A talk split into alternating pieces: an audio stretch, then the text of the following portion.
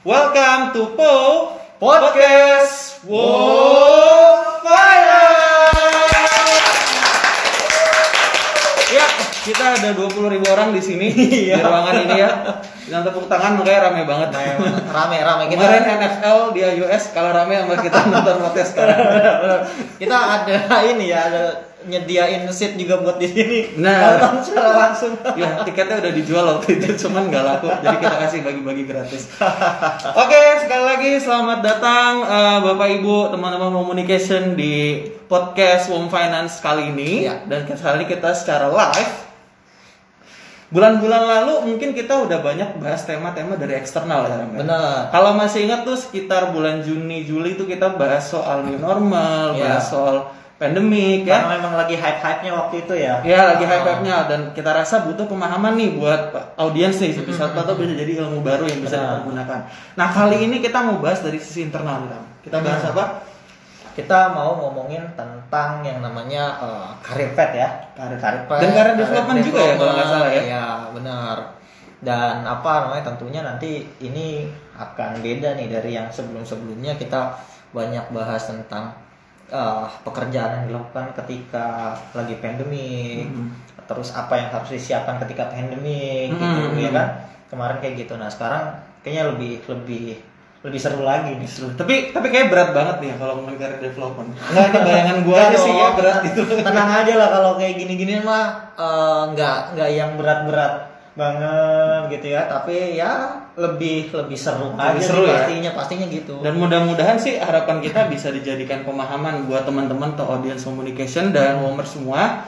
Ah, biar apa namanya bisa juga jadi panduan. Kira-kira kita harus berkarir seperti apa dan gimana sih Hmm. Apa yang kita butuhin untuk Benar. mendapat jenjang karir yang lebih tinggi? iya Oke Ram, sebelum kita mulai kita udah kedatangan bintang tamu nih ya. ya Ah, bintang nggak nggak datang sih sebenarnya.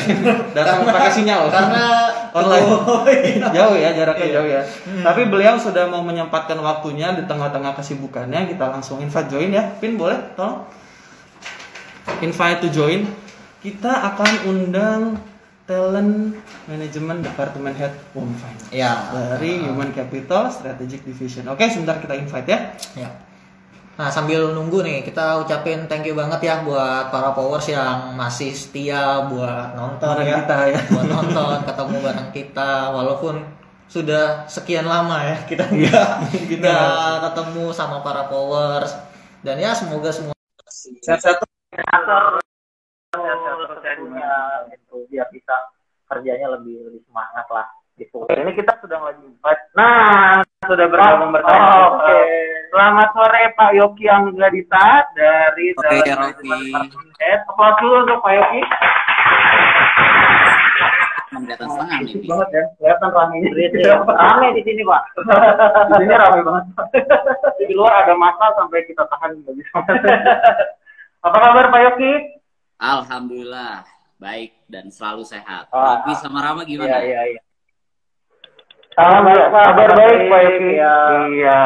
thank you banget ya pak sudah nyempatin waktunya nih pak buat kita ngobrol-ngobrol gini di sela-sela kesibukannya pak Yoki nih Sama-sama Rama. Saya juga yang harusnya thank you nih udah dikasih kesempatan untuk sharing-sharing terkait ya talent ya atau karir ya. ya benar nah ini kita sudah disaksikan oleh para powers pak kalau sebutannya kan powers nah Sebutan penonton oh, penonton setia kita ya Ah, podcast Home Finance sebutannya Power. Nah, mungkin Powers. Pak Yoki bisa Pak Powers dulu nih Pak, disapa tuh para powersnya. Lalu apa kabar power di seluruh Indonesia? Sehat selalu untuk kita ya dan tetap produktif. Dan tentunya nggak Iya. lupa untuk terus bertumbuh rekan-rekan semuanya ya. Ya, Pastinya ya Pak ya, biar bisa adaptasi ya di Benar. semua tantangan pekerjaan yang semakin dinamis ya. Kita bisa bisa adaptasi. Pak Yoki sebelumnya kita mau cek teknis dulu nih Pak. Suara saya dan Rama clear ya Pak di sana ya Pak? Clear, clear, clear. Rofi dan Rama. Suara saya jelas. Oke. Pi, Ram.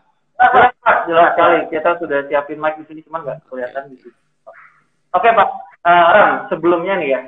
Kita kan di tema episode ini tentang karir pet dan karir development. Nah, kalau boleh tahu nih, eh, lu udah berapa lama di Kalau gue sih kurang lebih dua tahun ya. Dua tahun ya? Kurang lebih dua tahun di Wom Finance dan ya sampai hari ini masih sih. Ah, udah ngerasain development apa aja dari segi karir buat di situ? Wah, banyak ya kalau gue ya. Kalau memang apa namanya awal masuk itu kan gue sebagai learning program implementation. Okay.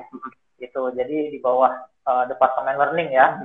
Terus uh, saat ini sebagai trainer, trainer ya gue yang yang apa namanya ikut serta dalam proses pengembangan dalam hal uh, pembelajaran, pendidikan dan pengembangan di karyawan-karyawan. Berarti sudah ada peningkatan ya, ya. dari sisi karir ya selama kurang lebih dua tahun kurang mungkin ya. ya. Sama, saya dulu gimana? Saya dulu awal sebagai employee engagement specialist dan sekarang Betul. Oke, okay, Pak Yofi tadi mohon maaf karena ada kendala teknis Pak. Boleh nggak Pak diceritakan dulu mungkin di Uang Finance sudah berapa lama ya Ram ya dan pernah menjaga posisi apa aja? Oke, okay. uh, eh, pertanyaannya adalah saya sudah berapa lama di WOM. Tapi di sini uh, saya ingin jelasin uh, dari mulai awal setelah saya lulus uh, kuliah ya, Pi dan Rama. Jadi kalau bisa dibilang itu uh, representasi perjalanan karir seseorang kalau saya bilang gitu. Jadi kalau teman-teman tanya ke saya, saya di WOM berapa lama? Itu saya kurang lebih di WOM lima tahun lebih. Nah, tapi kalau saya mengawali karir itu dari tahun berapa ya 2009 saya mengawali karir. Saya lulus perkuliahan pada satu tahun 2008. Tentunya mengawali semuanya dari level terendah kalau saya pikir gitu ya.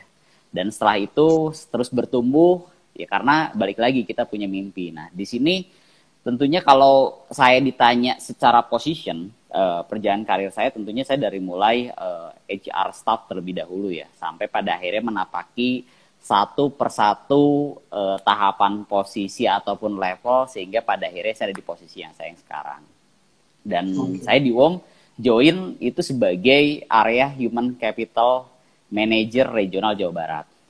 Dan hmm. tepat di tahun ini saya diberikan kepercayaan lebih oleh manajemen untuk uh, menghandle talent management untuk WOM Finance di seluruh Indonesia. Itu. Keren banget, keren banget. Berarti memang sebelumnya ada di posisi area human capital ya? ya dari bisnis sekarang ke human ah. capital uh, strategik ya Pak ya? Betul, betul. Oke. Okay. Pak Yoki, uh, kita kan sejauh selama ini memahami ya, karya yang kita pahami itu karir development itu peningkatan karir. Ya. Karir pet Betul. itu jenjang karir. Hmm. Nah, mungkin pemahaman kita baru sampai situ nih Pak Yoki. Nah, mungkin boleh dong Pak dijelaskan kepada kita nih para audiens juga, apa sih arti sebenarnya dari karir development dan karir pet? Nah, iya Pak, karena barangkali teman-teman ini kalau ditanya mau berkarir mau berkarir tapi sebenarnya nggak ngerti juga karir itu sebenarnya gimana gitu kan Pak. Iya. Makanya jadi uh, biar biar semua nih ya yang nonton para powers bisa paham juga nih sebenarnya karir pet, karir development itu gimana sih Pak? Yes, betul betul. Oke, okay, apa sih perbedaan karir pet dengan uh, karir development? Saya akan bilang bahwa ketika seseorang masuk ke dalam sebuah company, pasti uh, setiap orang mempunyai aspirasi dan mempunyai keinginan untuk masalah pengembangan karir. Jadi yang tentunya kalau bisa dibilang baik itu karyawan, baik itu kandidat, ketika dia uh, masuk ke dalam suatu perusahaan, pasti satu hal yang selalu dia harapkan ataupun suatu hal yang selalu dia inginkan adalah aspirasi supaya diri dia bisa berkembang. Nah sekarang kalau misalnya kita lihat apa sih perbedaan karir pet, apa sih perbedaan dengan karir development? Sebenarnya kalau yang tadi saya cerita di awal, ketika saya mengawali karir uh, dari mulai tahun 2009, saya sebagai staff, kemudian saya sempat menjadi officer, saya sempat menjadi section head dan seterusnya meningkat sampai ada di level manajerial dan kemudian ada di level sekarang misalnya atau, atau sekarang di posisi yang sekarang yaitu dev head. Itu ada itu adalah stepping atau karir petnya kalau saya bilang. Jadi jenjang jalurnya ya pak ya? Bertahapnya yes, ya pak yes kalau di kalau ibarat kita obrolin bahasa simpelnya kayak anak kayak anak tangga ya dari mulai kita nggak mungkin pada saat kita berada kita mau naikin sebuah anak tangga kita nggak mungkin bisa loncat sam sampai langsung ke uh, anak tangga yang 10. Kalau diibaratin karir pet ya, lu pasti akan mengawali segala sesuatu dari mulai staff terlebih dahulu, kemudian kalau di WOM ya saya cerita karir pet itu adalah ada staff, kemudian ada supervisor, lalu ada function head, after function head ada kapos head, after kapos head ada area manager atau branch manager, setelah itu ada uh, division head dan sampai dengan level direktur itu adalah karir pet jenjang karir seseorang dari mulai uh, step yang terbawah sampai dengan uh, step yang tertinggi. Itu Hmm, adalah karir petnya Rofi dan Rama. Nah sekarang kalau kita ngobrolin mengenai karir development ya tentunya kalau bisa dibilang kita ketika masuk ke perusahaan hal yang pastiin pertama adalah perusahaan itu mempunyai karir pet atau enggak? Dan kalau kita ketahui ya di OM sudah jelas lah karir petnya sudah sangat jelas. Nah tapi kalau sekarang kita ngobrolin karir development apa sih karir development itu? Ya tentunya kalau dilihat karir development ini adalah pengembangan diri seseorang ya. Bagaimana supaya dia bisa mencapai aspirasi karir dari mulai step yang terbawah sampai dengan yang tertinggi. Dan dalam konteks pengembangan yang ada di dalam pribadinya. Karena beda saya dulu pada saat saya di level staff dengan di level sekarang ataupun misalnya yang tadi Rama bilang ketika pertama kali mengawali karir sebagai eh, posisi tertentu dengan level sekarang pasti sudah menjadi pribadi yang berbeda. Banyak sekali improvement-improvement yang kita tunjukin. Dari sisi apa? Ya dari sisi diri kita. Itu Iya, Rofi dan Rama. Ini tadi udah disebutkan sama Pak Yoki, stepnya cukup panjang ya. Dari awal dari seperti Dan ini. yang benar-benar di bawah ya. Ah, mungkin kita bisa bilang eh, di level yang agak bawah ya. Jadi terus kemudian dia ada stage-nya meningkat, meningkat, meningkat lagi. Mungkin kalau kita main game Hmm. sama aja kayak kita XP-nya masih kecil, habis itu lama-lama makin Oh, jago, iya. makin bisa tantangan yang lebih sulit lagi, bosnya makin susah lagi. Keren banget, keren banget. Iya, berarti karir pet, karir development. challenging lah. Iya, betul. Betul. Hampir-hampir mirip sih sebenarnya kalau karir pet, karir, Hmm. karir development gitu. Cuman tadi uh, akhirnya bisa kita tahu nih lebih spesifik gitu ya. Spesifik per tahap-tahapnya gitu, Ram ya. Iya. Betul. Nah, Pak, kalau misalnya yang kita ketahui nih, Pak, kalau berkaitan dengan karir gitu kan biasanya company itu akan lebih jauh lebih bagus, lebih baik itu ketika tingkat internal development itu tinggi gitu. Ya, eh, lebih banyak menghasilkan dari talent-talent yang ada di internal tuh, Pak. Hmm. Nah. breeding mungkin ya, breeding Benar. talentnya dari internal Ya, organisasi ah, sendiri. Nah, kalau dari Wong sendiri, Pak, tingkat Hmm. internal development-nya itu eh, seperti apa, Pak? Mungkin bisa bisa di-share ke teman-teman followers yang ada di sini gitu, berkaitan Iya. dengan internal development dari Wong, Pak. Oke, satu hal yang dari dari mulai awal saya masuk ke WOM ya, eh, Rofi dan Rama. Hal yang dari dulu nggak pernah berubah. Saya selalu banggain ke rekan-rekan saya, ke kolega saya, ataupun ke karyawan yang ketika saya misalnya pada saat terdahulu kunjungan ke cabang. Satu hal yang selalu saya banggakan di WOM itu adalah bagaimana tingkat internal development yang memang sudah ada di WOM Finance. Maksudnya apa? WOM ini adalah perusahaan yang kalau saya bilang bukan perusahaan kecil, perusahaan yang luar biasa gitu kan. Eh, kita di masa pandemi ini pun WOM masih bisa tetap tegak tegak berdiri sampai dengan hari ini gitu kan. Dan kalau saya bilang itu adalah satu hal yang menunjukkan bahwa WOM bukan perusahaan yang biasa aja gitu kan. Nah tapi kalau misalnya saya bilang berapa sih ataupun kalau misalnya tadi Rama tanya berapa sih Pak kalau tingkat persentase orang yang berkembang di WOM dibandingkan dengan WOM ini meng-hire dari luar. Kalau saya bilang persentasenya menurut saya sudah kalau saya sebagai orang luar itu sudah sudah cukup besar. Tapi ketika saya dipercaya untuk handle eh, talent management, ya besar harapan saya saya ingin meningkatkan kembali lebih tinggi lagi. Berapa sih persentase jumlah karyawan-karyawan yang ketika ada kebutuhan-kebutuhan level supervisor up atau dalam artian untuk eh, posisi-posisi next level yang ada di WOM, berapa sih tingkat persentasenya? Total sam- di tahun 2020 kita itu sudah sampai di angka 76 persen berbandingkan dengan sisanya diambil dari luar. Dan kalau saya bilang itu sudah sangat baik, tapi tadi saya punya mimpi tentunya ingin meningkatkan lagi ya jika memang memungkinkan ya tentunya pasti harus ada program-program yang dijalankan oleh perusahaan juga ya untuk bisa meningkatkan ini. Dan besar harapan saya di tahun ini akan banyak sekali program-program yang kita buat dan tentunya untuk bisa meningkatkan internal development yang harapannya ya tentunya kalau teman-teman tanya ke saya di TM saya seperti apa ya besar harapan saya tingkat pemenuhan atau tingkat eh, pemenuhan untuk posisi-posisi supervisor up di WOM besar harapan saya di atas 90 persen. Itu Rofi. dan Itu ya buat misinya ya Pak Yogi ya. Tadi kita melihat eh, katanya mendengar katanya tingkat internal development 76 persen. Betul. Kalau misalnya memang memang kalau saya baca beberapa artikel atau jurnal-jurnal dengan HR ya Pak ya. Nilai presentasi gitu sudah termasuk besar ya. ya. Membreeding orang itu lebih sulit dibandingkan mencari dari luar, bener ya? Kalau menurut kami ya Pak ya, Yoki ya, kalau salah mohon dikoreksi. Tapi POM sendiri sudah berhasil untuk um, menghasilkan talent-talent yang berpotensi untuk menjadi the next leader. Ya, the next leader untuk POM Finance dari internal sendiri. Karena selain daripada cukup tinggi juga kalau kita tarik dari luar dan ini jadi satu kebanggaan juga kan bahwa leaders leadersnya itu memang uh, memulai karir dari bawah gitu. dari WOM sudah mengenal lebih ngeletek lah di WOM dia. Iya. Solom tuh lebih ngeletek gitu. dan Rama saya tambahin satu lagi ini berhubung pasti banyak uh, uh, karyawan ataupun rekan-rekan WOM ya uh, yang sedang lagi nonton. Saya bisa bilang bahwa uh, kualitas teman-teman dari internal WOM nggak kalah dari luar.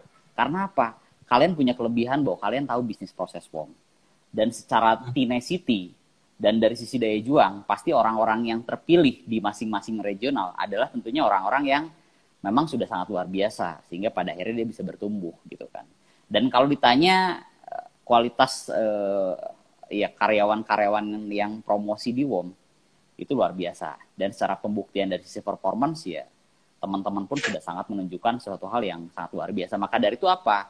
Yaitu bertumbuh ya dari mulai sedikit demi sedikit sehingga pada akhirnya trust management itu semakin meningkat. Dan jujur kalau Rofi dan Rama tanya ke saya di awal, Pak jangan-jangan memang dari sebelumnya dari mulai awal Bapak masuk udah seperti itu gitu. Saya sendiri ya saya nggak akan cerita nasionalnya ya karena terdahulu saya handle uh, handle uh, region Jawa Barat gitu kan. Dari awal ketika saya ada kebutuhan apa pun satu hal yang selalu saya cari yang pertama atau yang selalu saya lakukan adalah di awal apa?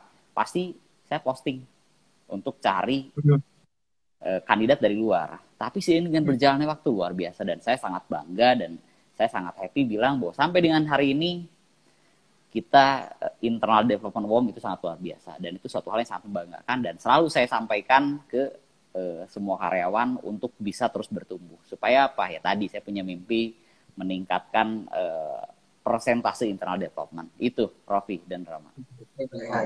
Tadi juga sudah dibilang Pak Yoki akan ada program-program peningkatan karir. Lebih banyak lagi ya Ram yang berarti potensi orang untuk meningkatkan karir akan lebih besar ya, ya. Pak Yoki ya, betul. Begitu ya. Nah, oke okay, Pak. Uh, tadi kan kita sudah diceritain tentang bagaimana internal development di WOM ya. Pasti kan dalam melaksanakan project, melaks implementasi program itu pasti ada hambatan atau ada trigger masalahnya lah kenapa program itu sampai dibuat gitu Pak. Ya. Nah, hmm. kalau boleh tahu Pak, sejauh ini tantangan dalam pengembangan karir di WOM yang sudah mungkin Bapak lihat dari awalnya jadi leaders di regional dan sekarang menjadi talent management DPT lebih spesifik lagi ke arah situ gitu Pak. Nah, hmm. itu problem-problem apa sih Pak yang terjadi mungkin di WOM yang yang yang kita harap bisa segera di eh, bisa ikut kita atasi ya Ram ya. Orang akan makin aktif meningkatkan karir gitu. Ya, karena kan barangkali salah satu itu kayak oh, takut atau bagaimana ah, tidak tahu mungkin iya, gitu ya Pak. Uh, nah, nggak mulus-mulus aja untuk dapat 76 persen itu kan sebenarnya iya itu effort yang berat iya. banget nah, kali itu apa challenge-nya ya mas challenge ya benar-benar challenge-nya itu apa ya, sih pak bisa dalam hal ini gitu Yes, uh, makanya tadi saya bilang di awal challenging ya rekan-rekan. Yang namanya ketika uh, seorang karyawan untuk bisa bertumbuh, kalau saya bilang itu kita ibaratinnya udah bukan merem lagi ya gitu kan. Udah udah bukan happy happy lagi pasti ada hal-hal yang butuh perjuangan butuh pengorbanan gitu kan dan butuh yang tadi saya bilang daya juang yang sangat luar biasa gitu kan untuk seseorang itu bisa uh, bertumbuh gitu. Nah maksudnya apa gitu ya? Memang betul saya sih nggak tutupin juga bahwa di dalam perjalanannya pasti ada hal-hal yang menjadi hambatan ataupun gap ya. E, ketika e, karyawan akan promosi meskipun kalau tadi teman-teman tanya ke saya pada 76% itu apakah semua mulus? Enggak. Semuanya butuh uh, butuh proses, butuh waktu. Maksudnya butuh proses dan butuh waktu ini seperti apa ya terlihat gitu ketika uh, pengajuan uh, pengembangan ataupun ketika uh, ya masing-masing cabang mengajukan orang untuk promosi pasti ada hambatan-hambatannya. Maksudnya hambatan-hambatan ini apa aja? Ya, udah jelas ya rekan-rekan. Pada saat seseorang akan diajukan promosi pasti ada persyaratan-persyaratan yang kita tentukan. Harapannya apa? Dengan persyaratan-persyaratan yang kita minta ini kita bisa melakukan screening lebih dalam terkait kualitas dari sisi uh, people yang akan dikembangkan. Nah biasanya kalau Rofi dan Rama tanya ke saya, terkait dengan apa sih Pak hambatan satu dengan yang lain halnya pasti terkait uh, gap kompetensi itu adalah suatu hal yang sangat wajar dan itu ada di semua uh, perusahaan. Nah, tapi balik lagi ketika kita melihat hal itu ya tadi bisnis harus tetap berjalan uh, dan tentunya setelah itu berjalan pun ya harus ada program-program pengembangan baik yang dilakukan secara mandiri ataupun hal yang lainnya. Dan tentunya ada hal-hal administratif lainnya ya. Yang kalau misalnya saya sebutin gitu kan hambatannya tadi ya ketika orang ada yang pengajuan ternyata tadi secara perform dia ternyata belum uh, produktif nih di tahun sebelumnya. gitu. Ya. ya. sehingga ya ketika ketika dia diajukan promosi performance dia di masa sebelumnya ke flag. Dan akhirnya itu menjadi hambatan. Itu salah satu eh, hambatan-hambatan uh, uh, problem administrasi. Maka dari itu apa satu hal yang harus kita jaga tentunya ketika kita ingin dikembangkan oleh uh, sebuah company ya salah satunya kalau misalnya ini adalah WOM ya kita harus meningkatkan diri kita untuk apa? Tentu tadi untuk dari sisi kompetensi kita ketika kompetensi kita semakin baik diri kita pun kualitas dirinya semakin positif tentunya yang paling penting ini nih ini yang paling penting kemauan. Karena kemauan ini adalah satu-satunya hal yang pasti akan membuat uh, diri kita bertumbuh dan berkembang. Dan ujung-ujungnya apa? Ketika kualitas diri tadi kita tetap jaga, ya pasti performance salah satu hal akan ke hit. Sehingga hmm. ya kita bisa tetap produktif, kita bisa tetap perform dan itu menunjukkan apa? Meskipun memang bukan hanya perform aja ya, penilaian orang untuk bisa di eh, apa namanya itu untuk bisa dipromosikan, tapi ada kompetensi yang tadi saya bilang. Salah satunya adalah kalau di luar dari itu adalah adalah leadership. Nice. Tapi pertanyaan berikutnya, Pak, saya kan belum pernah mempunyai tim, gimana dan lain-lainnya. Nah, itulah yang menjadi challenge-nya. Dan okay, tentunya jadi... pasti akan ada solusi-solusi lain yang akan company lakukan. Hmm. Itu, Rafi dan Rama. Jadi unik juga ya Rama permasalahannya. Ya. Selain dari personal mungkin atau kebutuhan organisasinya juga ketika sudah hmm. harus di posisi ini wah tapi belum belum ada yang ready nih Pak, ya. seperti kayak gitu ya. Tapi kalau Pak mudah-mudahan nanti dengan program-program yang akan yang sudah berjalan dan akan ditambah lagi ya Ram ya. Itu bisa sedikit-sedikit mengikis problem-problem yang ada ya Pak ya. Kita akan Betul. mungkin pembenahan bertahap ya Pak Yoki ya. Tidak mungkin hmm. sekalian jebret gitu. Kita bangun mungkin habitnya juga dari ya. keinginan orang untuk wah saya ingin berkembang karir gitu. Kita build dulu willingnya willingnya orang untuk berkembang. Dan kemudian dengan fasilitas-fasilitas yang disediakan oleh Oke, selanjutnya Ram. Nah, kalau apa namanya ini kan para powers ini sudah apa hadir di sini sudah ngelihat tadi penjelasan dari Pak Yoki tentunya pengen tahu nih um, apa sih sebenarnya yang yang dibutuhin hmm. ya oleh seorang karyawan Wong nih agar hmm. dia bisa ningkatin karirnya gitu Pak ya gitu hmm. apa apa yang bisa dilakuin langkah-langkahnya itu gimana sih ya biar hmm. bisa mencapai kekuatan karirnya gitu. pasti itu banyak yang tanya-tanya dong yang iya juga ya. Mungkin mungkin saya pengen ah gitu loh. Tapi gimana caranya ah, mungkin gitu ya Ram ya. iya. terlepas dari posisi apa pun mungkin Ram ya kita ah, betul. boleh pak uh, tips dan mungkin step-stepnya nih yang bisa hmm. kita lakuin buat ayo kita improve karir kita atau kita improve skill kita juga. Ya, ya. seperti yang tadi growth juga ya Pak Yoki bilangnya di awal beberapa hmm. kali ya. benar. Gitu. Gimana okay, tuh saya... buat tanya ya hmm kayak hal-hal apa sih yang mesti kita lakuin supaya kita bisa bertumbuh ya atau kita bisa menjadi uh, pribadi yang lebih baik lagi sehingga akhirnya ya perusahaan melirik kita bahwa kita dirasa layak untuk menempati posisi yang lebih tinggi gitu kan. Saya sih akan ambilnya gini uh, Rofi dan Rama gitu kan. Kita coba kalau kita pengen uh, bisa bertumbuh pasti kan yang pertama ada atasan dan ada company ya yang hmm? uh, menilai betul kan. Nah, sekarang kembaliin kalau kalau pertanyaan simpel saya ingin refleksinya seperti ini. Pertanyaan simpelnya adalah bahwa sama halnya ketika kita melihat orang lain, kita lihat orang itu baik dan orang itu kurang baik. Nah, logika seperti itu yang harus kita pastikan. Oh, berarti ketika kita ingin bertumbuh, ketika kita ingin dipromosikan, ketika kita ingin berkembang secara karir, berarti kita harus menjadi pribadi yang baik terlebih dahulu. Baiknya seperti apa ya tadi? Dari sisi karakter kita harus pastikan bahwa kita mempunyai karakter yang positif. Hmm. Ya salah satu karakter tadi yaitu adalah ya kemauan itu misalnya salah satu. Kemudian misalnya yang kedua karakter pun ya kalau saya akan includekan terkait masalah integrity. ya kejujuran ya. Ketika kita bekerja, kejujuran itu udah nggak ada lagi yang bisa ditawar gitu kan. Hanya ada warna hitam dan hanya ada warna putih. Pak, kalau ada warna di luar warna itu apa? Itu semua akan menjurus ke warna hitam. Abu-abu, warna hmm. lain pasti akan menjurus. Misalnya apa? Ketika kita melakukan segala sesuatu yang sifatnya abu-abu, ya pasti sudah menjurus ke yang aneh-aneh. Itu dulu gitu kan. Kita berarti harus pastikan uh, sisi itu. Kemudian balik ke masalah yang kemauan tadi.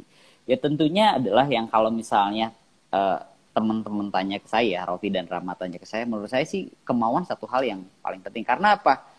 Kalau saya tanya ke semua orang, ketika baik itu di perusahaan ini, baik itu di cabang-cabang setiap kunjungan, kalian punya nggak sih mimpi untuk berkembang secara karir di Pasti semua hampir rata-rata mau. Sebagian besar lah. 10% dan 5% biasa orang-orang yang terjebak dalam e, zona nyaman, comfort zone. Mereka nggak ya. mau bergerak ke arah growth zone gitu kan. Tapi kalau ditanya, saya balikin lagi biasa kalau ada orang yang pengen di zona e, nyaman ya. Saya tanya, biasa tanya lagi, kalau e, kamu tanya keluarga kamu, baik itu anak, baik itu istri, keluarga kamu pengennya kamu berada di zona mana? Ya, pasti zona hmm. berkembang, Pak, growth zone. Mereka pasti pengen juga saya bisa berkembang dan bertumbuh di perusahaan WOM dia bilang. Sebenarnya ya itu adalah suatu hal yang kalau ditanya itu retorik, udah pasti jawabannya semua pada pengen berkembang. Nah ya. berarti hal yang harus kita jadi kita logikanya udah tahu nih kalau kita ingin terlihat baik berarti caranya seperti apa ya tadi gitu. Kita harus pastikan diri kita itu mempunyai kualitas diri yang baik. Pertama dari sisi yang tadi saya bilang karakter, dari sisi yang kedua misalnya dari sisi ini. Ketika hal hal itu kita jalankan, ini pasti akan ngedorong ke arah performance. Ketika kita nggak produktif di masa hari ini, orang yang positif, orang yang baik, orang yang punya karakter yang uh, memang good, dia pasti akan merasa tidak nyaman. Dia akan berusaha dengan sangat luar biasa, jungkir balik gitu kan. Kalau perlu, kalau dia masih stuck juga dia akan jadi orang yang rewel dan cerewet buat tanya-tanya. Dia akan pastikan diri dia produktif. Karena apa? Tadi gitu ada satu hal yang tanggung jawab yang harus dia jaga supaya apa? Ya balik lagi ke arah performance tadi. Dan proses menuju ke arah sana secara tidak langsung itu akan meningkatkan yang namanya kompetensi. Kemampuan-kemampuan eh, ya tadi yang harus dimiliki seseorang ya itu apa saja, kemudian kemampuan manajerial itu apa aja dan itu adalah hal yang ya harus betul-betul dijaga gitu. Hmm, ya, ya. Dan dan itulah yang harus ya kalau bisa dibilang mungkin karyawan ya kalau memang sekarang saya ambil ke arah yang teknis ambil ke arah yang teknis nih ya sekarang kalian coba masing-masing review diri kita kita kalau misalnya nih berdasarkan kompetensi kompetensi ya kita ngomongnya ya berarti e, di diri kita ini sudah menunjukkan kompetensi itu atau belum ya pertama kita harus review di WOM ini ada beberapa kompetensi kalau misalnya kita lihat dari sisi integritas kita coba hmm. review diri kita. Kita sudah menjadi pribadi yang menjalankan integritas itu dengan baik apa? Saya nggak akan ulas ya integritas itu apa di sini karena pasti sangat panjang. Yang kedua, bagaimana cara kita bisa bekerja sama? Kerjasama bukan hanya di lingkup kerja kita, tapi dengan lingkup kerja yang lain tentunya. Bagaimana kita bisa ya tadi ya bisa cross function ke divisi yang lain dan ujung-ujungnya apa ya tadi gitu kita bukan hanya akan menjadi pribadi yang baik di satu departemen aja tapi tentunya harus lebih besar lagi Kemudian ada yang tadi saya bilang mengenai tenacity, bagaimana kegigihan hmm. seseorang untuk bisa meraih sesuatu itu adalah satu hal yang menunjuk, yaitu adalah yang dilihat juga sama user-user kita. Makanya saya bilang untuk menaiki anak tangga, apalagi itu ribuan, pasti dibutuhkan kegigihan untuk bisa men menaiki anak tangga itu. Lalu ada yang namanya bagaimana kita mengembangkan ataupun bagaimana kita melakukan improvement, bagaimana kita bisa memberikan servis yang baik, dan setelah itu, nah ini yang saya bilang biasanya problem-problem di kompetensi manajerial. Karena apa? Tadi ini ini saya akan akan kasih insight gitu bahwa kalau kita belum punya tim atau kalau kita sebagai staff. Bisa nggak sih kita meningkatkan kompetensi manajerial kita? Saya akan bilang bisa. Karena apa? Ya saya sendiri pun dulu ngalamin gitu. Gue memang kalau ingin meningkatkan leadership, misalnya leadership nih, saya harus punya tim dulu nggak? Saya harus dipilih sama company dulu nggak? Saya bilang nggak karena apa? Sebenarnya potensi kita atau ruang untuk kita belajar dan bertumbuh itu bisa kita lakuin dari mulai awal kita sekolah. Ya, Organisasi. Organisasi itu adalah hal di mana kita di situ ada leveling juga ya ketua, ada bendahara ya. dan itu itu udah satu hal gitu. terus kemudian pada saat kita kuliah juga ya Pak Yoki ya bukan Betul. hanya organisasi itu ya Pak Yes, tapi memang tentunya nanti akan ada program-program yang tentunya biasanya diberikan oleh company, training leadership kah, fundamental leadership dan hal-hal yang lain. Tapi tentunya di luar dari itu semua setiap orang bisa belajar kok menurut saya. Nggak terhalang, Pak kan saya nggak bisa kayak, saya nggak punya kompetensi itu karena belum diarahin sama company ya. Kalau kayak gitu pada akhirnya kita kalau udah kita di anak tangga kedua, kita mau diem aja gitu. Kita nggak ngapa-ngapain, kita nggak ada kepengen buat nanya. Ngeliat orang yang naik, kita pasti nanya kan, Pak, kok bapak bisa ku- kuat sih naik lagi saya aja di sini mah udah masih masih apa masih capek nih masih ngos-ngosan dia tanya Iya, iya, dia- nah si orang yang ditanya pasti akan bilang saya punya mimpi dan saya punya tujuan di atas sana jadi Iya. rasa Hmm. saya yaitu adalah bukti sebuah bentuk kegigihan dari orang-orang yang apa mempunyai aspirasi untuk bertumbuh dan berkembang itu Rocky Iya. dan Rama Jadi eh, tadi kalau saya yang saya tangkap ya dari banyak Pak Yoki itu utamanya dari karakter dan keinginan ya Pak Yoki ya. betul Mungkin ada karakter yang sangat disayangkan jika dia hanya berada di itu saja tidak punya keinginan untuk higher level kah, visinya masih belum terlalu kuat gitu Pak ya. Sebenarnya kalau di- seperti itu sayang banget padahal ada kesempatan ya. Kalau menurut lu gimana Ramen tadi? Iya, itu orang-orang yang punya fixed mindset gitu ya. Fixed Dia- mindset, dia- benar. Dia nggak punya growth mindset untuk terus bertumbuh, bertumbuh dan bertumbuh lagi. Gitu. Mhm. ya Yang ter- padahal kesempatannya sebenarnya ada ya Pak ya. Jadi logikanya gini, kalau saya melihatnya kesempatan itu sudah ada. Tapi mungkin orang tersebut yang tidak menyadari, ah, hal yang tidak menyadari atau tidak mau, atau mungkin tidak percaya diri dan keburu takut duluan ya, Rob. Ya. Sayang banget kalau pikir seperti itu. Iya. Padahal dari semua fasilitas, program dan pelatihan yang juga pasti kita kasih ya Pak Yoki ya. Sayang banget kalau itu tidak dirasakan atau dimanfaatkan. Makanya tadi juga kan pada akhirnya di terakhir ada di atas tuh bilang saya punya mimpi itu. Makanya dia uh, lebih gigih gitu, lebih Hmm. gigih untuk apa uh, mendapatkan apa mimpinya dia gitu. Dan ini sesuai kalau katanya uh, satu someone famous ya. someone Someone famous. famous. Someone famous tuh pernah. Uh, yang salah itu bukan karena kita bermimpi tinggi kemudian kita gagal meraihnya, Hmm. tapi yang salah adalah ketika kita mimpinya rendah dan kita justru malah mendapatkan mimpi tersebut. Iya. Nah, iya dong. Jadi, nggak mengencourage untuk Iya. lebih maju lagi ya Ram. itu itu yang bahaya itu mimpinya eh, rendah tapi berhasil didapatin. Ya mudah-mudahan kita di Wong Panes nggak banyak ya Pak yang seperti itu ya Pak ya. harusnya nggak harusnya nggak ada. Dengan tingkat 70% itu harusnya tidak ada. Tapi memang ada. Nah harapan saya dengan nanti ada sharing seperti ini ya teman-teman bisa dapetin insight. Karena biasanya gini Ram dan Rofi terkadang itu lucu. Ketika perusahaan menganggap kita mampu kita malah mengunderestimate diri kita kita malah merasa nggak pede dengan diri kita. Itu itu yang salah kalau saya bilang. Yang ada memang ada sisi di mana diri kita agak sedikit dipaksakan. Tapi menurut saya dengan tadi gitu toh kita adalah insan yang pasti bisa belajar. Kita adalah uh, insan belajar dan bertumbuh dan dengan menyesuaikan pasti kita akan menjadi pribadi yang agile ya. Adaptif Ya. untuk menghadapi perubahan-perubahan yang ada. Jadi nggak perlu worry. Jadi kuncinya dari saya apa? Ketika ada mungkin ada juga pasti pak saya kan nggak ada program dan lain-lain yaitu endingnya kalau kita mempunyai reason yang lebih dalam seperti itu ya biasanya karena akhirnya apa? Yaitu menjadi alasan-alasan yang membuat kita nggak bisa bertumbuh nggak bisa secara karir nggak bisa meningkat lagi gitu. Nah jadi kuncinya adalah betul yang tadi Rofi dan Rama sudah simpulkan pertama diri pribadi kita dulu gitu. Tapi di sisi yang lain ya saya sendiri pun di WOM dan eh, dengan scope yang akan nanti dilakukan oleh TM ataupun di talent ya tentunya kita nanti akan coba buat program-program yang lainnya apa supaya kita betul-betul bisa menjaring eh, talent-talent kita ataupun bisa meningkatkan internal development menjadi lebih luar biasa lagi karena apa uang butuh kalian Oh iya. Kita sebenarnya diperhatikan secara intens ya. Boleh kita aplaus boleh Pak. Pak?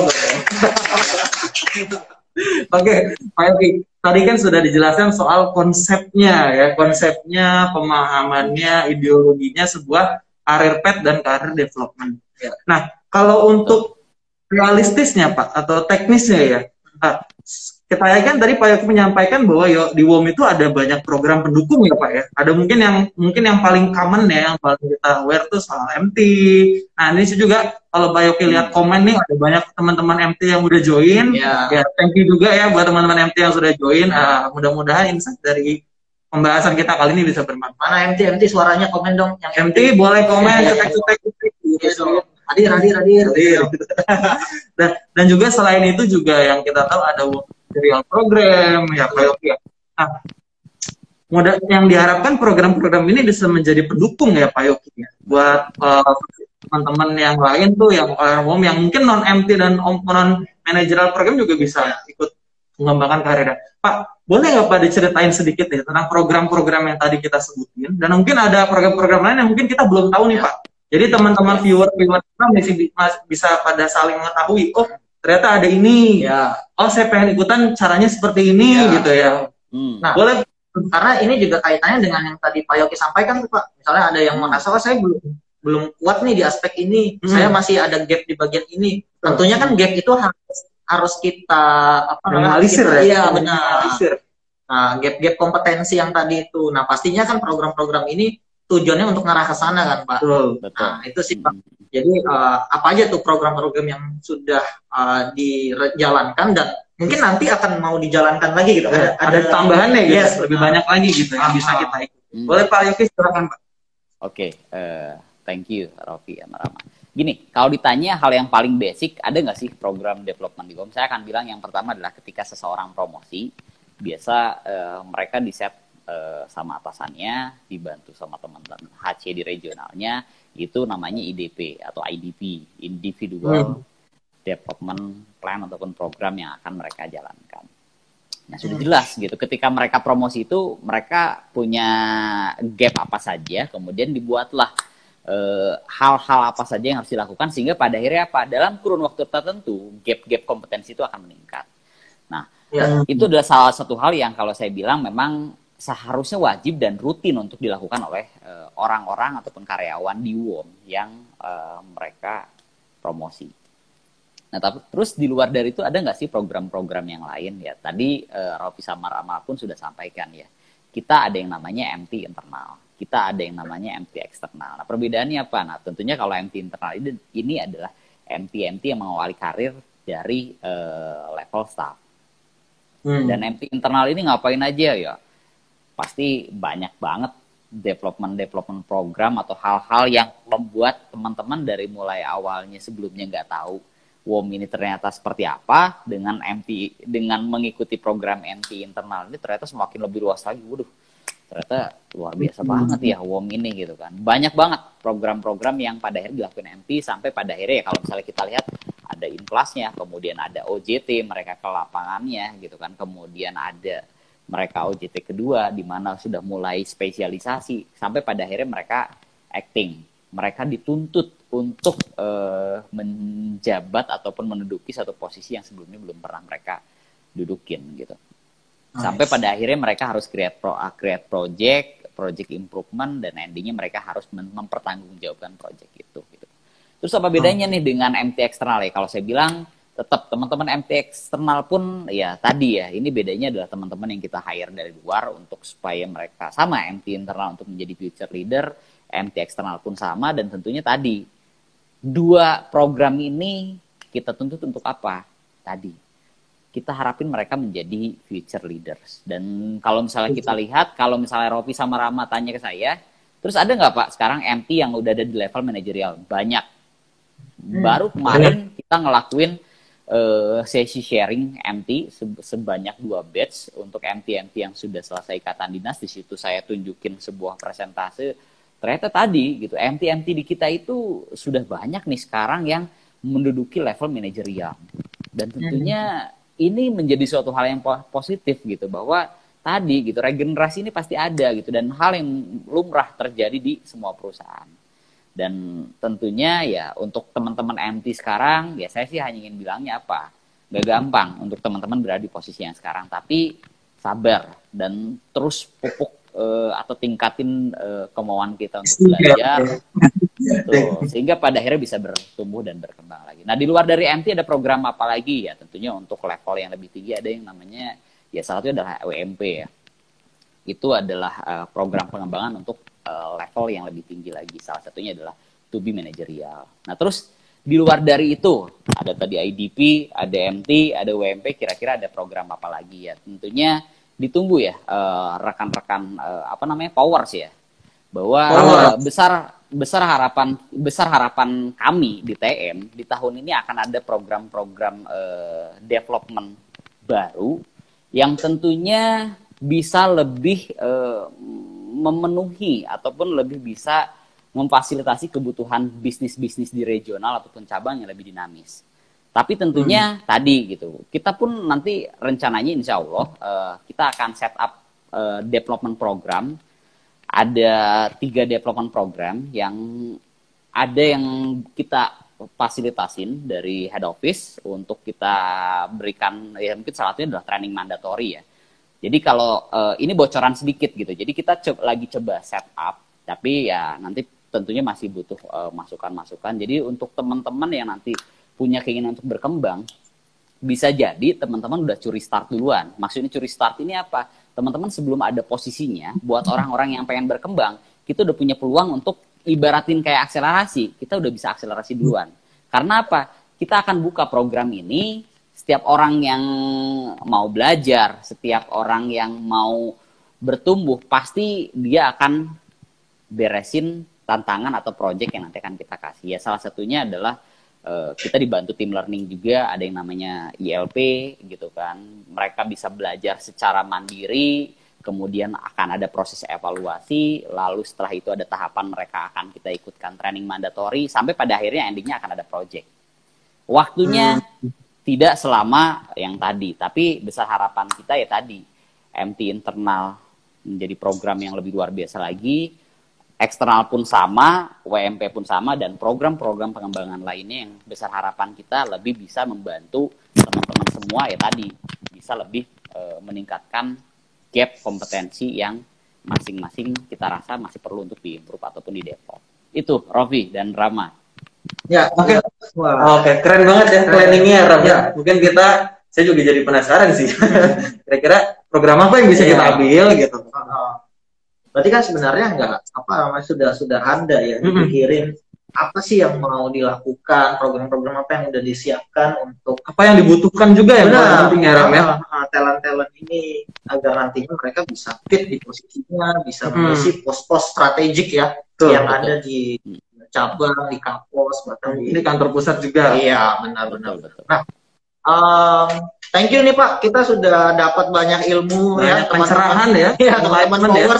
Tentunya juga pasti bakal lebih apa lebih semangat lagi nih Iya. bahwa tahu oh kita udah disiapin kok. Iya, Ternyata udah banyak siapin. banyak Jadi kerja tuh nggak ragu gitu ya Yes. buat full Uh-uh. performance gitu. Yes, yes. Kita tuh udah disiapin akan dapat ini gitu, bisa mengikuti ini. Ah. Jadi all out lah bisa Iya, kerja benar. best performance ya Pak Yoki yang Ah. penting Nah, wajib gitu. Iya, iya, iya. Oke, Pak.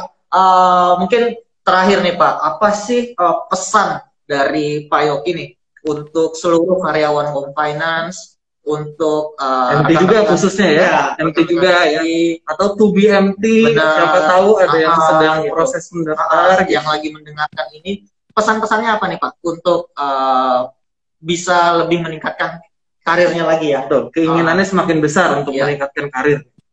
Hmm, Eh, dari saya kalau ditanya ya endingnya ya endingnya kalau kita ngobrolin pengembangan karir buat diri kita pribadi eh, pesannya kita untuk eh, pesannya apa gitu kan ya kalau saya bilang eh, seperti yang tadi saya bilang ya untuk pengembangan karir seseorang itu butuh waktu butuh proses butuh perjuangan butuh pengorbanan tangisan pun bisa ada gitu Hmm. tapi itu semua harus kita sikapinya dengan cara seperti apa ya tadi. Itu menjadi suatu hal yang akan mengembangkan diri kita. Nah, tadi kalau misal ditanya, ya kalau misalnya Rofi sama Rama kira-kira hal apa yang harus kita lakukan ataupun tips untuk supaya kita bisa terus pengen bertumbuh ya kalau saya sih kalau ditanya saya akan balikin ke pengalaman pribadi saya aja. Kalau saya sih simple gitu. Ketika saya akan stop di satu anak tangga, ketika saya akan stop di satu level posisi tertentu, saya akan balik lagi gitu. Ngeliat ke belakang, gue udah setinggi ini nih, masa mau gue mau balik lagi sih? Hmm. Benar. Keep Maka moving forward. ya- betul. Iya. Ya kalaupun kita jatuh, jatuhnya jangan ke belakang, mending ke depan aja. Karena apa? Kalau ke depan bisa jadi kita turun dikit, tapi kita bisa bangkit lagi gitu. Nah, dan da- dari sisi saya sih ya kuncinya tadi gitu apa namanya tuh ya kita harus punya kemauan itu yang paling penting dulu teman-teman. Terus kemudian kita harus selalu posisikan diri kita menjadi gelas yang kosong supaya apa? Kita terus belajar. Kemudian yang ketiga apa? Ya baru kemarin saya dapetin video sharingnya jadilah bibit yang unggul katanya. Maksudnya bibit yang unggul ini adalah apa? Dalam mengerjakan sesuatu berikan yang terbaik gitu. Terus sekarang Pak, balik lagi pertanyaan Pak terkadang kan kita up and down nih secara motivasi. Balik lagi akhirnya. Kita dulu waktu mengawali karir ataupun kita pengen bekerja motifnya untuk apa? Ingat-ingat itu untuk menjadi flashback supaya kita bisa bangkit lagi untuk menjadi lebih tinggi lagi. Ya kuncinya adalah endingnya ya kita harus terus berjuang sih.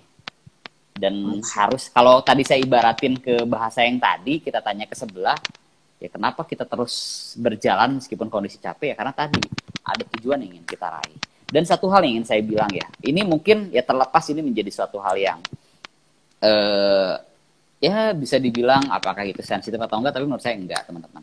Terkadang ada juga ya eh, bahwa ketika kita bertumbuh bisa jadi secara eh, benefit kita berkurang. Karena apa? Ya mungkin untuk posisi-posisi yang punya insentif eh, kita terkadang membandingkan gitu teman-teman. Ya kalau saya bilang kalau teman-teman tanya secara instan seperti itu betul.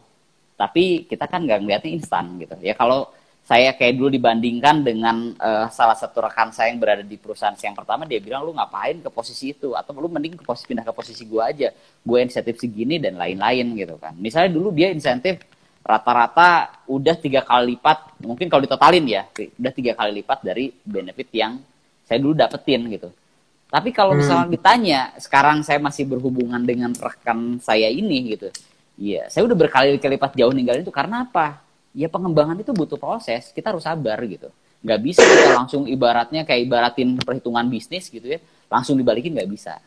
Dan Hmm, yakin iya. gitu ketika kita nggak mungkin ketika kita sudah ada di posisi teratas ataupun di posisi yang kita tuju, meskipun tadi gitu, itu semuanya memang stepping naiknya, tapi yakin gitu, itu pasti bakalan menyesuaikan dan akan akan semakin lebih luar biasa lagi. Dan tentunya tadi gitu, banyak sekali yang kalau kalau kalau Rofi sama Rama tanya ke saya bahwa Pak kalau manajerial di Wong dapat aja apa aja ya? Pasti rekan-rekan Powers juga udah tahu semua gitu. Area-area depet depet kalau misalnya ke cabang dan pasti bawa mobil gitu. Dan mobil itu ya salah satu itu adalah bentuk fasilitas ataupun bentuk perhatian dari perusahaan. Dan tentunya hal-hal yang lain lagi gitu. Jadi melihatnya kalaupun untuk melihat seperti itu jangan melihatnya pendek. Kita melihatnya harus jangka panjang karena apa? Karena tadi gitu. Segala sesuatu itu butuh waktu dan proses dan butuh perjuangan Ya, menarik ya. Satu yang saya paling menarik nih Pak Yogi, saya mau nanggepin sedikit. Tidak semuanya selalu dengan instan. Tidak semuanya bisa dihitung sesuatu dengan sesuatu yang hard gitu. Mie instan aja Mie instan harus direbus dulu Iya. iya iya Semua bisa. Ah, nanti keuntungannya eh, berkurang dong Iya. gitu. Saya jadi ingat saya pernah baca sebuah be- bagian dari buku ya Pak ya bilang kamu tidak akan bisa melihat semua hal, tidak akan bisa melihat pemandangan kalau hanya berada di dalam ruangan, ya. sekalipun ruangan itu nyaman, gitu ya. Jadi banyak yang sebenarnya eh, orang-orang yang hanya berorientasi pada keinstanan, tidak banyak yang bisa dia lihat bahwa sebenarnya ada hal yang bisa dia peroleh yang harganya itu jauh di bawah sesuatu keuntungan instan yang dia Iya. terima saat Hmm. Mudah-mudahan ini bisa mengencourage juga ya Pak ya teman-teman yang Amin, mungkin amin. lagi lagi ada di zona nyaman, lagi Yes. ah males lah nambah pusing gitu misalnya ya. Padahal sebenarnya ini ilmu-ilmu atau pengalaman yang nggak bisa dinilai dengan sesuatu yang hard dengan uang misalnya. Oke, oke, oke. Oke, Pak Yogi, eh, terima kasih sekali Terima kasih, atas Pak. ilmu dan sharingnya. Rofi Rama thank you sudah dikasih kesempatan ya Teman-teman bisa menginspirasi semua teman-teman ya, mulai dari yang MT, non MT, manajerial, non manajerial ya, semuanya semua bisa menginspire ya. Nanti ini video akan Amin. kita di, di Instagram Communication bisa ditonton lagi kalau Ya. mungkin ada yang kelewatan ya. Hmm. Mungkin mau sapa penonton dulu nih Pak. Ada dari dari kita wave wave, ada yang dada dada, ada yang hadir hadir. Gitu. Terima kasih Iya. ya. Terima kasih. Sudah nonton dari awal sampai akhir juga nih. ya. thank you thank you semuanya Oke, selamat sore Pak Yogi. Terima kasih atas kehadirannya. Thank you, Pak. Rama Rofi thank you ya sehat Iya. dan sukses untuk kita semua dan terus bertumbuh ya Amin. Terus. Terima kasih. Thank you, applause dulu. Ayo. Izin saya live ya Pak, remove ya Pak. Terima kasih Pak you. Yuk, assalamualaikum. Waalaikumsalam warahmatullahi Wah. wabarakatuh. Kalau gue cerah. Kalau gue cerah. Iya, iya. Banyak banyak uh, hal-hal yang kita sebelumnya nggak yang oh, ternyata para developer gitu kan mikirnya dulu gini. uh, karir pening- meningkat, oh naik jabatan. Itu doang mindsetnya ya, naik jabatan, naik benefit, naik keuntungan. Kita tidak melihat sesuatu dari yang tidak bisa dinilainya. Ya. Pengalaman, pengetahuan, Ya. gitu ya. Uh, dan hal-hal lain yang bisa dijelasin. Kalau menurut lu gimana, Ram? Iya, tadi kan sebenarnya banyak banyak hal-hal benefit-benefit lain yang bisa didapatkan gitu ya. Uh, dengan apa namanya adanya uh, development untuk diri kita sendiri Betul. tentunya gitu. Selain daripada ya kita juga pada akhirnya nanti harus mengembangkan orang lain juga. Betul. Jadi yang kita dapat kita terusin lagi. Iya. Nanti orang itu diterusin lagi ke yang Iya. lain ya. Oke. Ya. Oke, kita rasa cukup Cukup ya. episode kita sore ini. Uh-uh. Nah, nanti mungkin episode selanjutnya akan ada dengan tadi kan sudah ada Pak Yuki yang memanage ya. Mungkin nanti nanti ada selanjutnya insya Allah akan dengan orang yang juga mengalami career development selanjutnya. Iya. Oke, dengan siapa itu akan kita informasikan. Nanti lah ya. Oke, eh, kita lihat komen sedikit. Terima kasih juga buat teman-teman yang sudah menonton ya. Ya, thank Sudah, you banget yang dari banget. awal sudah sudah menonton. nonton kita. Mudah-mudahan ada yang bisa diserap ya dari Ya. obrolan dicatat kalau pakai. Karena ini live kan ada bisa dilihat lagi Ya, ya. benar. Oke, sekali lagi terima kasih para ya, followers. para Sampai followers jumpa ya. di episode berikutnya. Ya. Salam Pop Podcast. Wow, fire. Assalamualaikum warahmatullahi wabarakatuh. Selamat sore. Teman-teman.